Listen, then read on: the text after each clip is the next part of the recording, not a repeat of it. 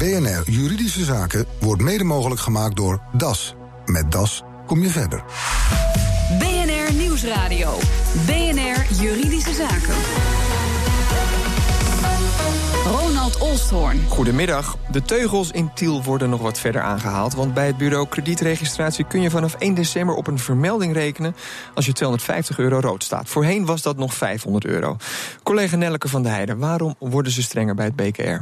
Nou, het BKR zegt er zelf over dat het alles met Brussel te maken heeft. Directeur Peter van der Bos die was daar eerder over bij ons op BNR vloeit ook voort uit de Europese wet en regelgeving. met een mooi woord, dat is de Consumer Credit Directive. Die is van kracht geworden. En die wet heeft gezegd dat de grenzen wat verruimd worden eh, ten aanzien van, eh, van kredietverstrekking. En dat betekent dat ten opzichte van het verleden dus kredieten met een lager bedrag vanaf 250 euro en een kortere looptijd vanaf één maand ook eh, geregistreerd moeten worden. Ja, en waar moet die strengere registratie dan toe leiden? Nou, nu is het zo dat één op de vijf huishoudens in de schulden zit. En dat zegt het eh, BKR. Dat is natuurlijk veel. En dat uh, willen ze dat dat teruggedrongen wordt. Maar het strengere registreren heeft dan niet het doel om minder mensen tot een. Uh, niet, om minder mensen een lening te bieden. Nee, het, het, het, moet ook juist goed nieuws eigenlijk met zich meebrengen. Want banken die willen ja, alleen wat meer weten voor zo'n lening aangaan. En dat kon eerder niet. En er zijn heel veel mensen met kleine kredieten en die zijn niet in beeld. En, en als zo'n bank dan bij ons informatie gaat opvragen, dan zien ze meneer Jans is onbekend. En dan weten ze dus eigenlijk niks. Uh, en nu zien ze, goh, meneer Jans heeft een krediet van 250 euro en betaalt al een paar jaar keurig netjes. Gaat daar keurig netjes mee om. en dat helpt dus eigenlijk. Goed nieuws dus volgens het BKR. Uh, dankjewel Nelleke. Uh, we gaan hierover verder praten over dit onderwerp in de studio. Met mijn gasten vandaag Jacqueline Zuidweg van Zuidweg en Partners. Uh, een bedrijf dat zich bezighoudt met schuldhulpverlening voor ondernemers. Don Seder van Seder Advocatuur. En Edward Brozens, luisteraar van BNR natuurlijk ook. maar ook een luisteraar met een BKR-registratie die jou behoorlijk in de weg zit, Edward. Toch of niet? Ja, dat klopt. Dat klopt. Ik Wat is er precies aan de hand? Uh, een hele tijd geleden, toen ik nog student was. Uh, kon Zo lang geleden is dat nog niet. Het, uh, je ziet er nog jong dank Je, dank je, dank je. Het is best al een tijd geleden. kon ik via mijn bank een lening aanvragen. Een soort studentenkrediet, doorlopend krediet. wat ik keurig netjes ben gaan afbetalen naar mijn studie. Op een gegeven moment raakte ik zelf midden in de financiële crisis... zelf ook in de financiële problemen en kon ik het niet meer betalen. Heb ik een aantal maanden en eigenlijk een aantal jaar heb ik niet meer aan mijn uh, betalingsverplichting kunnen voldoen. Uh, later, toen ik weer een baan kreeg en weer vaste inkomsten heb, had, heb ik meteen met de bank uh, contact opgenomen om het zo snel mogelijk mijn achterstand in te halen of terug te betalen. Dat heb ik gedaan. Eigenlijk ben ik een jaar eerder klaar dan het contract toeliet. Maar nog weigert de bank de A3-codering die ik heb weg te halen. A3-codering? Ja, dat is de zwaarste codering die je kan krijgen. Oké. Dat is eigenlijk een codering die, uh, die zegt over een persoon... luister, we, bij deze persoon valt niks meer te halen. Uh, we boeken het bedrag intern af. Punt. Pas ja, op. Ja, pas op. Pas op, inderdaad. Want dat betekent dus eigenlijk in feite. Uh, jij werkt nu alweer een paar jaar natuurlijk. Jij wil een huis gaan kopen, maar ja, je, je, kunt het wel vergeten om ergens uh, een hypotheek te krijgen. Ja, dat kan ik vergeten, inderdaad. Ja, en dat Don Seder uh, van Seder Advocatuur. Ja.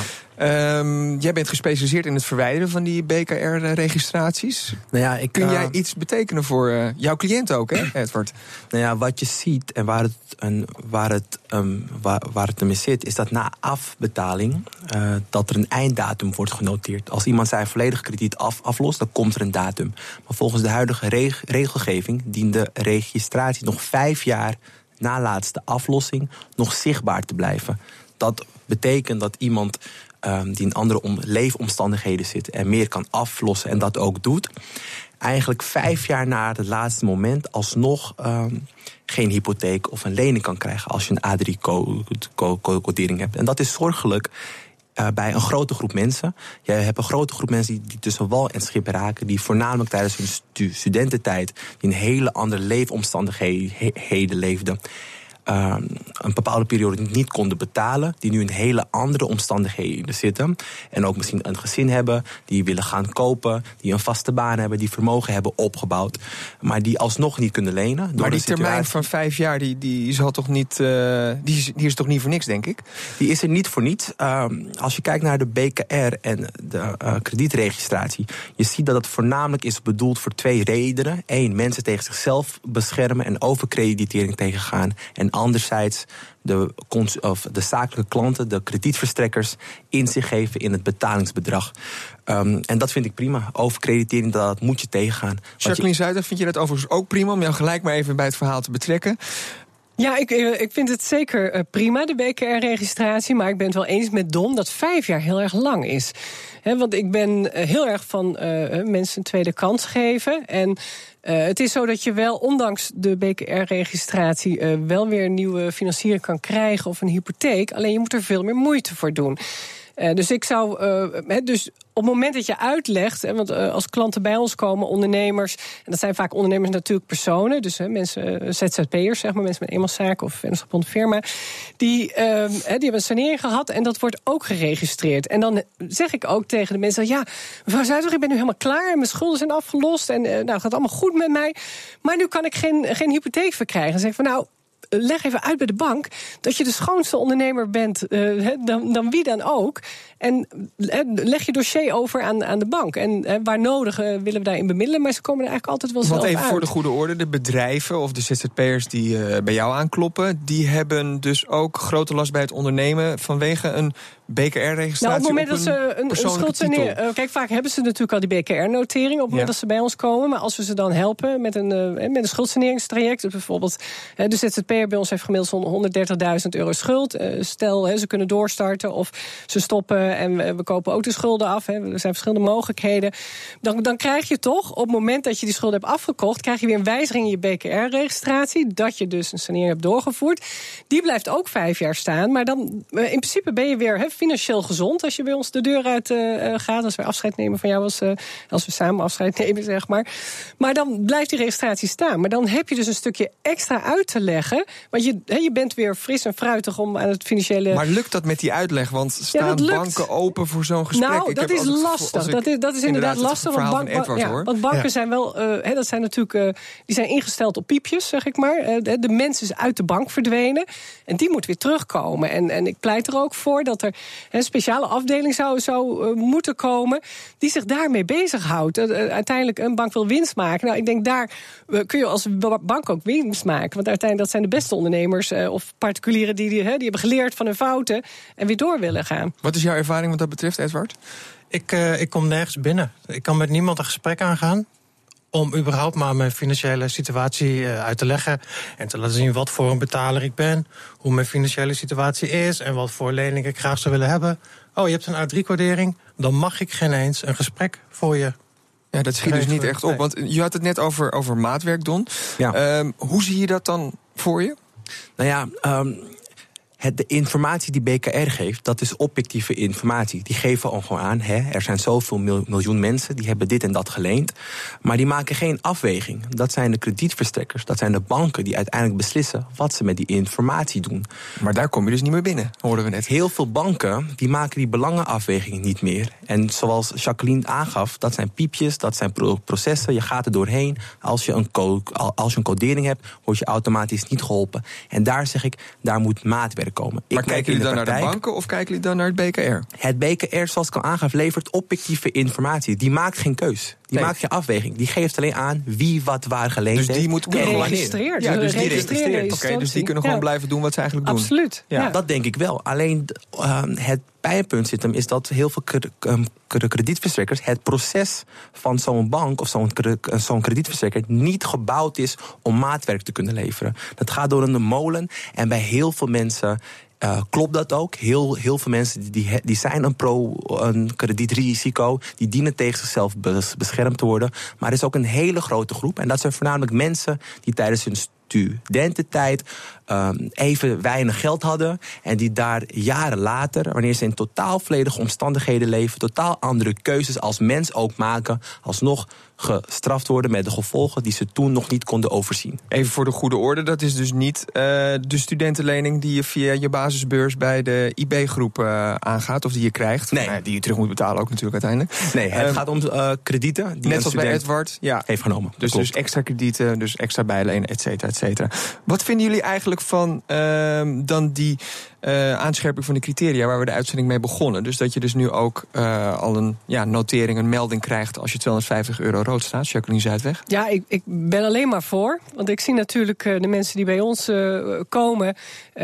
wat Don ook al zegt, hè, het is ook bedoeld, die registratie, om mensen te beschermen.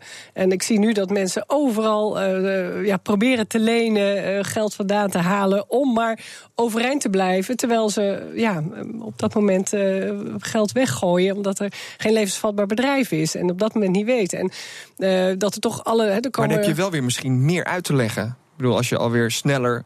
Nou, uh, nou nee, kijk, want als je, als je eerder een halt wordt toegeroepen, van tot hier en niet verder. Je wordt tegen jezelf in bescherming genomen. Juist. Ja. En, en uh, er zijn mensen die ja, financieel uh, op een bepaald moment, of misschien wel nooit, financieel niet voldoende vaardig zijn. En uh, we, we, gaan natuurlijk altijd vanuit dat iedereen maar zichzelf uh, kan, kan redden, ook financieel. Maar de wereld is financieel alleen maar complexer geworden de afgelopen jaren. En ik denk dat het heel goed is. Er, worden, er zijn ook heel veel snelle aanbieders. Uh, denk vroeger aan die reclame. De, oh, daar erger ik me nog steeds aan. Lenen.nl. Nou, als je, als je eens gaat kijken wie allemaal een extra hypotheek heeft afgesloten om toch uh, die keuken te nemen en die badkamer die ze eigenlijk niet konden betalen, maar die dan ergens een beetje verstopt werd uh, weggegooid. Uh, kijk, het is ook. Uh, ik, ik, ik vind dat, dat je dat duidelijk moet zijn wat er allemaal geleend wordt. Je hebt bijvoorbeeld ook voor de bij de gemeente heb je bijvoorbeeld een BBZ-regeling. Dat is een kredietregeling. We gaan het straks na de reclame nog eventjes over de gemeente hebben. Ik ben natuurlijk ook nog even benieuwd wat de andere kant van de tafel vindt van die verscherpte criteria. Uh, maar als het dus aan de BKR zelf ligt, dan blijft het hier niet bij, maar wordt er nog meer geregistreerd. Of dat een goed plan is of niet, hoort u zo meteen. Nieuwsradio. BNR Juridische Zaken. Vanaf 1 december kom je al bij het BKR in het vizier als je 250 euro rood staat. Voorheen was dat nog 500 euro. Maar als het aan het BKR ligt, blijft het daar niet bij. Het bureau wil ook zicht op je studieschuld en betalingsachterstanden bij zorgverzekeraars en verhuurders onder andere. Ik praat erover vandaag met Jacqueline Zuidweg van Zuidweg en Partners, Don Seder van Seder Advocatuur en Edward Broosens. Hij vertelde ons al over zijn moeilijkheden die hij ondervindt bij het krijgen van een uh, hypotheek om, uh, vanwege een eerdere BKR-registratie. Uh, we signaleerden Edward dat je dus eigenlijk uh, niet eens bij de bank uh, aan tafel uh, kunt schuiven om even jouw verhaal te doen. Dat je intussen een keurig betalende ja. werknemer bent met, met voldoende liquide middelen. Um, dat klopt. Ja. Wat, wat, ja, we moeten gaan, wat zou de oplossing kunnen zijn volgens jou? Volgens mij, als ik wel uitgenodigd kan worden en mijn verhaal kan doen bij een bank, of in ieder geval een kredietverstrekker, uh, waarin ik mijn situatie kan uitleggen en het, uh, mijn kans vergroot op het verkrijgen van een lening. Dat zou mooi zijn. Ik wil niet op voorhand al, al afgeschilderd worden als notoire wanbetalen, financieel risico, niet doen. Ja. Uh, we hebben hier twee specialisten uit het veld. Ja. Uh, hoe, hoe gaan we deze ja, cultuuromslag bewerkstelligen? Dat, dat hij heel mooi al, al zelf de oplossing aan, uh, aanbrengt. He, je moet uiteindelijk een financier hebben die naar de klant luistert. En die interesse heeft in de klant. Want uiteindelijk. He, een, een, een Zou bank... er eentje luisteren nu? Hè? Ja, laat, vast wel. Laat vast wel. wel. Nee, maar uiteindelijk, kijk, een, een bank of een financier wil geld verdienen. En uh, ja, en iemand met een BKR-notering, uh, codering, die vindt, vindt het helemaal niet, niet erg als er wordt doorgevraagd vanwege het verleden. En maar op het moment dat je de kans maar krijgt om je verhaal uit te leggen. Ja, en dan vind je het ook niet erg. Uh, je snapt ook wel dat een financier natuurlijk winst moet maken. Maar kennelijk hebben ze dus toch ook wel. Uh, is het een kwestie van dat ze te weinig mankracht hebben? Of dat ze toch ook heel veel slechte ervaringen hebben met mensen die. Uh, daar is Edward er natuurlijk geen eentje van. Maar die ondanks uh, fout in het verleden. ja, toch niet hun leven gebeterd hebben, Don? Ja, ik, ik, ik denk dat de processen er niet op zijn ingespeeld. Er is een gigantische doelgroep van potentiële wo woningkopers uh, met een co codering die nu tussen wal en schip raakt. En dat komt ook als je alleen naar de codering gaat kijken. Ik denk dat heel veel kredietverstrekkers zich achter de uh, regels schuilen. Terwijl zij wel degelijk een bepaalde beleidsvrijheid hebben. Met de informatie die, die, zij krijgen, mogen zij doorvragen. Zij mogen alsnog een, krediet verlenen. En daar ben ik het helemaal mee eens dat we overkreditering tegen moeten gaan. Maar er is een gigantische groep mensen in dit land. En dat groep wordt steeds groter van mensen met een codering. Terwijl als je zou doorvragen, je erachter komt dat dat niet de kredietrisico's zijn waarvoor de BKR voor bedoeld is. Nu werpt de BKR zich ook een beetje op als uh, ja, de grote hoeder van uh, mensen met een betalingsachterstand in Nederland. Uh, ze willen daardoor zicht, willen eigenlijk zicht op nog meer schulden van, van de Nederlanders. Dus als je dus wel een studieschuld hebt bij de informatiebeheergroep, of je betaalt je energierekeningen niet op tijd of je huur niet op tijd. Kortom, ze willen eigenlijk inzicht ook in dat soort betalingsachterstanden. Is dat een goed idee, Jacqueline? Ja, is een heel goed idee. vanuit schuldhulpverlening hebben we een jaar geleden ook al gesprek gevoerd voor een landelijke informatiesysteem schuldenregistratie, het zogenaamde LIS. Dat is toen uh, niet van de grond gekomen in, ja, dat, dat, vanwege wet bescherming persoonsgegevens. Uh, daar waren allemaal hobbels ook nog en wel een dingetje natuurlijk. Ook een, uh, absoluut, absoluut een dingetje. Maar het is gewoon heel belangrijk. we leven in een wereld die ja, steeds transparanter natuurlijk wordt. Um, en misschien moeten we. maar als er nog zo'n stigma zit op zo'n BKR-notering, dan zou ik denken van nou laat maar even aan mij nee, maar, die maar, uh, met name die, die bescherming is, is gewoon heel erg belangrijk. Want als mensen bijvoorbeeld een, uh, een achterstand hebben bij een zorgverzekering... is dat een hele grote indicatie uh, dat, dat er meer aan de hand is. Dus dat is eigenlijk een voorbode voor problematische schulden. En als je dan mensen kan bereiken en ook de koppeling kan maken met hulp...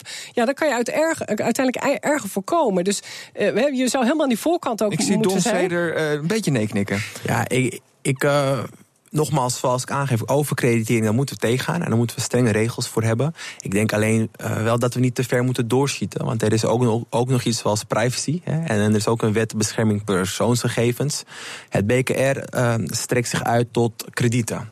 Mensen die voorhand wat krijgen en dat dan afbetalen. Als we dat op alle diensten hè, gaan, toe, gaan, toepassen, ook waar er geen sprake is van een krediet. Ja, ik denk dat je. Uh, het doel regelgeving heeft, maar je doel volledig voorbij schiet. En de kredietrisico's. Maar wat je dan hoort, gemeentes die sneller. Jij bent daar redelijk in gespecialiseerd. Dat je toch als gemeente sneller zicht kunt hebben als het uh, in een gezin ergens fout dreigt te gaan. Zeker weten. En dat kan op heel veel wijzes. Vroeg signalering en preventie ben ik er voorstander van. Maar of dat via één stichting moet die heel Nederland controleert, ja, daar heb ik mijn twijfels over. Want het BKR zegt van ja, wij hebben die know-how van de afgelopen 50 jaar opgebouwd die willen we inderdaad delen met uh, zoveel mogelijk klanten. Dat is misschien ook een commercieel belang wat daarbij speelt, denk ik. Nee, nou, het gaat alleen vol, volgens mij is de informatie alleen beschikbaar voor zakelijke uh, voor kredietverstrekkers en niet voor ieder. Nee, logisch. Dus het wordt voor die ja, beschikbaar. Maar ze, ze, hebben natuurlijk wel die kennis. Goed, maar we, we, we, we naderen alweer het einde van, van dit programma, helaas. Um, ik denk dat een klein oproepje voor de kredietverstrekker die met Edward aan tafel wil, misschien nog wel op zijn plaats is, uh, Edward. ja, nou, uh, moet ik een oproepje plaatsen? Ga je gang. Help. nou ja. Nee, moet je je voorstellen, ik betaal meer dan 1000 euro huur per maand. Wat kost een gemiddelde hypotheek per maand? Ik denk dat je je punt niet beter had kunnen maken. Uh, ik zou zeggen, uh, geïnteresseerde leningverstrekkers... die kunnen mailtje sturen naar juridischezaken.bnr.nl. En ik wil jullie hartelijk danken voor jullie komst naar de studio. Jacqueline Zuidweg van Zuidweg en Partners... en advocaat Don Seder van Seder Advocatuur. BNR Nieuwsradio. BNR Juridische Zaken. Een avondje lekker buiten zitten met vrienden eindigde voor een studenten nogal katerig. Er ontstond brand in haar woning. Haar vader vraagt zich af hoe ze zich daar beter tegen had kunnen verzekeren... in een verslag van Nelleke van de Heijden. Pieter de Boer, uw dochter had een mooie studentenwoning... maar er is helaas brand ontstaan. En ze dacht goed verzekerd te zijn, maar dat bleek uiteindelijk toch anders? Nou, het probleem zat niet bij de inboedelverzekering... maar bleek uiteindelijk te zitten bij de opstal, dus bij de, de verfschade aan de spullen van de huisbaas. De verzekering eh, meende eerst dat het betaald zou worden door de WA-verzekering. Maar die haakte ook af, want die wilde geen schade aan gehuurde dingen uitbetalen. En de opstalverzekering van de huisbaas... die leek ook niet mee te werken, althans volgens de huisbaas. Nee, want je zou zeggen, oké, opstal, dat is dan de verhuurder die daarvoor verzekerd moet zijn, maar die kwam niet met zijn verzekering op de proppen? Nee, want zij werd beschuldigd van, uh, ja, van het is haar schuld. Nee, dus die huisbaas zegt het is haar te verwijten en daarom geldt mijn opstalverzekering niet. Zoiets, ja. En is het haar te verwijten? Ja, zij vermoedt eigenlijk dat een van de gasten... want ze was die avond eh, in de tuin eh, met een aantal gasten... dat die een, een, lamp hebben aangestoken die klaar stond om afgevoerd te worden. En dat was natuurlijk niet de bedoeling, maar dat wisten die gasten niet. En daarbij is dan een ernaaststaande kapstok in brand gevlogen. Ja, klinkt toch wel als een ongelukje. Hoe is het uiteindelijk afgelopen? Nou, de inboedelverzekering heeft vlot en eh, ruim betaald. En de opstal die hebben wij dus zelf helemaal uh, overgeschilderd. Dat is dus ook keurig opgelost. Maar u heeft er niet helemaal vrede mee? Nee, natuurlijk niet. Als je denkt verzekerd te zijn, wat, wat gebeurt er dan als die hele woning volledig uitbrandt? Dan zou ze wel een uh, 25.000 euro moeten betalen. En dat kan een arme student niet. En wat als de rest van de woningen meebrandt? Want dat zijn allemaal gestapelde containerwoningen. Wat moet ze dan betalen? Vos van Vulpes Advocaten. Is deze schade inderdaad niet te verzekeren? Hij is wel degelijk te verzekeren en hij valt ofwel onder de opstalverzekering van verhuurder... dan wel onder de wettelijke aansprakelijkheidsverzekering van huurster. Hij heeft de huurster te horen gekregen... dit is een gevalletje opstalverzekering van de verhuurder. Ja, dat heeft zij te horen gekregen van haar WA-verzekeraar. En dat lijkt me ook in beginsel het geëigende antwoord van die WA-verzekeraar. De, de, schade heeft zich voorgedaan aan het opstal... en dus moet de verhuurder maar bij zijn opstalverzekering aankloppen. Echter, verhuurder heeft ons laten weten dat hij dat niet heeft gedaan... omdat hij in dit geval echt een toerekenbaar tekortschieten bij huurder heeft aangetroffen... waardoor zij aansprakelijk is voor de schade en zij het dan maar bij haar verzekeraar moet onderbrengen. Dus dan zou het toch onder die aansprakelijkheid moeten vallen? Ja, dat neem ik aan van wel. Ik, ik weet niet of dat we over het volledige dossier beschikken, maar van verhuurder horen wij van zij is persoonlijk aansprakelijk, wij haar ook persoonlijk aansprakelijk gesteld. En ik denk dat als mevrouw met die aansprakelijkheidsstelling naar haar WA-verzekering was gegaan, dat die wel tot uitkering had moeten overgaan. En ook klinkt het ook voor een grote verhuurder als een kleine moeite om die opstalverzekering aan te spreken. Ja, maar als dat een schade is waarvan de aansprakelijkheid eigenlijk bij huurder ligt, dan is er voor die verhuurder niet veel reden aanwezig om dat bij zijn verzekeraar te claimen. Want dat leidt toch tot consequenties op zijn premie en op zijn no-claim. En daar is die vader eigenlijk vooral ook heel bang voor. Wat nou als er meer was afgefikt? Het hele appartement of misschien zelfs het hele complex. Had zij dan als beginnende student voor weet niet hoeveel in de schulden kunnen geraken? Ja, ook daar geldt weer, het valt ofwel onder de opstalverzekering van verhuurder. En afhankelijk van hoe die brand is ontstaan en hoe toerekenbaar dat is aan huurder... is misschien ook de WA-verzekeraar daarvoor aan te spreken. Terug naar de WA-verzekering dus. Dat lijkt advocaat Willem Vos de beste optie. Het verslag was van Nelleker van der Heijden. En heeft u zelf een juridische vraag? U kunt hem naar ons mailen. Het adres is juridischezaken.bnr.nl. Dit was de uitzending voor vandaag. U kunt de show nog eens terugluisteren via bnr.nl slash juridische zaken. Mijn naam is Ronald Olstorn. Tot de volgende zitting. BNR Juridische Zaken wordt mede mogelijk gemaakt door DAS. Met DAS kom je verder.